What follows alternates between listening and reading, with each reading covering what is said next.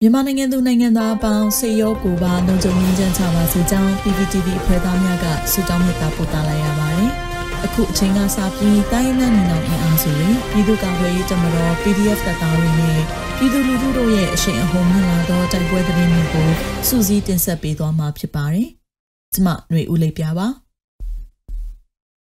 ပထမဆုံးအနေနဲ့မုံရွာမြို့ပေါ်မှာစစ်ကောင်စီတပ်သားများကို SIA အဖွဲ့ကမိုင်းဆွဲပြီးပစ်ခတ်တိုက်ခိုက်ခဲ့ရာစစ်သားတအုပ်သေးပြီးဒဏ်ရာရရှိသူများရှိတဲ့တဲ့ရင်ကိုတင်ဆက်ပေးမှာပါ။စကိုင်းတိုင်းမုံရွာမြို့ဖျားနီလန်ခေါ်အာဇာနီလန်ထိပ်တွင်ကင်းပုံဝင်နေသည့်စစ်ကောင်စီတပ်သားများကို SIA တပ်ဖွဲ့မှဘူခွန်ဆာကဦးဆောင်ပြီးအောက်တိုဘာ25ရက်ညနေ7:00နာရီဝန်းကျင်ခန့်အချိန်မိုင်းဆွဲတိုက်ခိုက်ပစ်ခတ်ခဲ့သဖြင့် စစ်သားတအုပ်သေဆုံးပြီးဒဏ်ရာရရှိသူများရှိကြောင်းပိုခွန်စာကပြောပါတယ်။မိုင်းဆွဲတိုက်ခိုက်မှုကြောင့်စစ်ကောင်စီတပ်သားတယောက်လဲချသေဆုံးသွားသည်ကိုမျက်မြင်တွေ့ရှိခဲ့ရပြီးထိခိုက်ဒဏ်ရာရှိသူများရှိတယ်လို့ပိုခွန်စာကဆိုပါတယ်။ကင်းပုံဝစ်စစ်ကောင်စီတပ်သားများဟာမိုင်းဆွဲခံရမှုကြောင့်ရန်တမ်းပစ်ခတ်ခဲ့ကသေဆုံးသွားတဲ့တပ်သားအလောင်းကိုကားပေါ်တင်ဆောင်ပြီးထွက်ပြေးသွားကြောင်း SIA အဖွဲ့မှထိခိုက်သူမရှိဘဲအောင်မြင်စွာဆုတ်ခိုင်းနိုင်ကြောင်းသိရှိရပါတယ်။ ဘိုခွန်စာနဲ့အဖွဲ့ဟာအောက်တိုဘာ26ရက်ဒီနေ့မနက်၄နာရီမှာလဲ KTV ကပြန်လာတဲ့ရင်းနှီးရောက်ကိုပြစ်ခတ်ပြီးတနက်တွေလူယူနိုင်ခဲ့တယ်လို့ဆိုပါတယ်။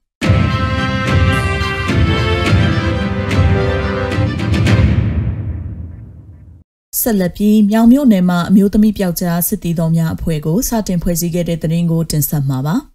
စကိုင်းတိုင်းဒေသကြီးမြောင်မြို့နယ်တွင်အမျိုးသမီးပျောက်ကြားစစ်တီတော်များအဖွဲ့မြောင် Women Warriors MWW ကိုစတင်ဖွဲ့စည်းလိုက်ပြီဟုယနေ့အောက်တိုဘာ26ရက်မှာကြေညာလိုက်တာပါစစ်ကောင်စီမှမတရားအာဏာသိမ်းယူခဲ့သည့်နေ့မှစ၍အမျိုးသမီးတို့သည်လည်းတပိတ်ကြောင်းပေါင်းစုံတွင်ကြားမှတန်းတူပါဝင်ခဲ့ပြီးယနေ့တွင်တိုက်ပွဲဝင်ရန်ပြင်ဆင်နေသည့်အမျိုးသမီးများဖြစ်လာရာကြောင်းကြေညာချက်မှာဖော်ပြထားပါသည် MWWE ရွေချက်၄ချက်မှာအာနာသိန်းချင်းအားလက်မခံတော်လန်မိအမျိုးသမီးများဖြစ်ကြောင်း အမျိုးသားများနဲ့ညီတူတန်တူအာနာရှင်ကိုတော်လှန်သည့်နေရာများတွင်အင်အားအပြည့်ပါဝင်သွားမည်ဖြစ်ကြောင်းစစ်မှန်သော Federal Democracy နိုင်ငံတော်တည်တရက်ပေါ်ပေါက်လာရေးအတွက်စွမ်းစွမ်းတမန်ပါဝင်မည်ဖြစ်ကြောင်းနဲ့အနာဂတ်တွင်ကြားမှတန်တူညီမျှမှုနဲ့ခွဲခြားဆက်ဆံကင်းပြီးမျိုးသမီးများအခမ်းကဏ္ဍကိုမြင့်တင်သွားဖို့လို့ဆိုလိုပါတယ်။ဒါအပြင်လူသားချင်းစာနာမှုမရှိသည့်လုပ်ရများကိုလှုံ့ဆော်နေသောစစ်ကောင်စီကိုအသက်ပေးပြီးခုခံတော်လှန်သွားမည်ဖြစ်ကြောင်းနဲ့ အမျိုးသမီးများအပေါ်ညှဉ်းပန်းနှိပ်စက်ဖျက်ဆီးနေခြင်းကိုလက်မခံနိုင်ကြောင်းလည်း MWW အဖွဲ့ကပြောပါရယ်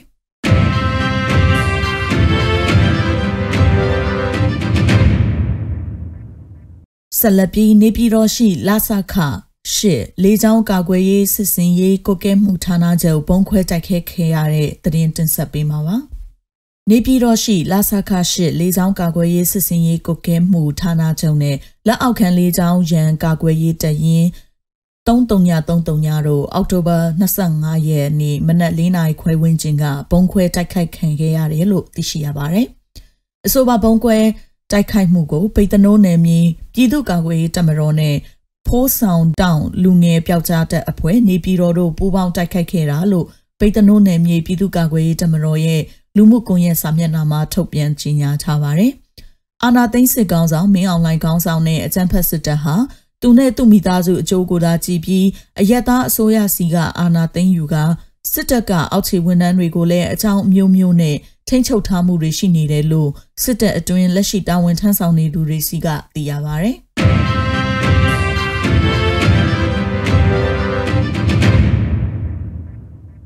နောက်ဆုံးအနေနဲ့အမျိုးသားညီညွတ်ရေးအစိုးရပြည်ထရေးနဲ့လူဝင်မှုကြီးကြပ်ရေးဝန်ကြီးဌာနကအောက်တိုဘာလ26ရက်ရက်စွဲနဲ့ထုတ်ပြန်တဲ့ပြည်သူ့ခုခံတော်လှန်စစ်တရင်အချက်လက်တွေကိုတင်ဆက်ပေးသွားမှာပါ။အာနာသိန်းအကြမ်းဖက်စစ်အုပ်စု၏ပြည်သူလူထုအပေါ်အကြမ်းဖက်ဖိနှိပ်ဖန်ဆီးတိုက်ခိုက်တပ်ဖြတ်နေမှုများကိုပြည်သူလူထုတရလုံးကအသက်ရှင်တန်ရေးအတွက်မိမိကိုယ်ကိုမိမိခုခံတာကာကွယ်ပိုင်ခွင့်အရာပြည်သူ့ခန့်စစ် People Defensive War ကိုဆင်နွှဲလျက်ရှိပါတယ်။ သတင်းချက်လက်များအရ25ရက်စေလ2021ရက်နေ့မှာရန်သူစီရေးပြစ်မှတ်12နေရာအုတ်ချုပ်ရေးပြစ်မှတ်21နေရာတို့ကိုခုခံတိုက်ခိုက်နိုင်ခဲ့ပါတယ်။စစ်အာဏာရှင်စနစ်မြမမြေပေါ်မှာအပြစ်တိုင်ချုပ်ငြင်းရေးနဲ့ Federal Democracy တိဆောက်ရေးအတွက်ငြိမ်းချမ်းစွာဆန္ဒပြသည့်လူထုတပိတ်တိုက်ပွဲများကပြည်내နဲ့တိုင်းဒေသကြီးများတွင်ဖြစ်ပွားပေါ်ပေါက်လျက်ရှိတာပါ။မြေပြင်မှာယခုတွေ့ရတဲ့သတင်းအချက်အလက်များထက်ပို၍ဖြစ်ပွားနိုင်ပါတယ်ရှင်။ Get on board. အောင်ရမည်ရေတော်ဘုံအောင်ရမည်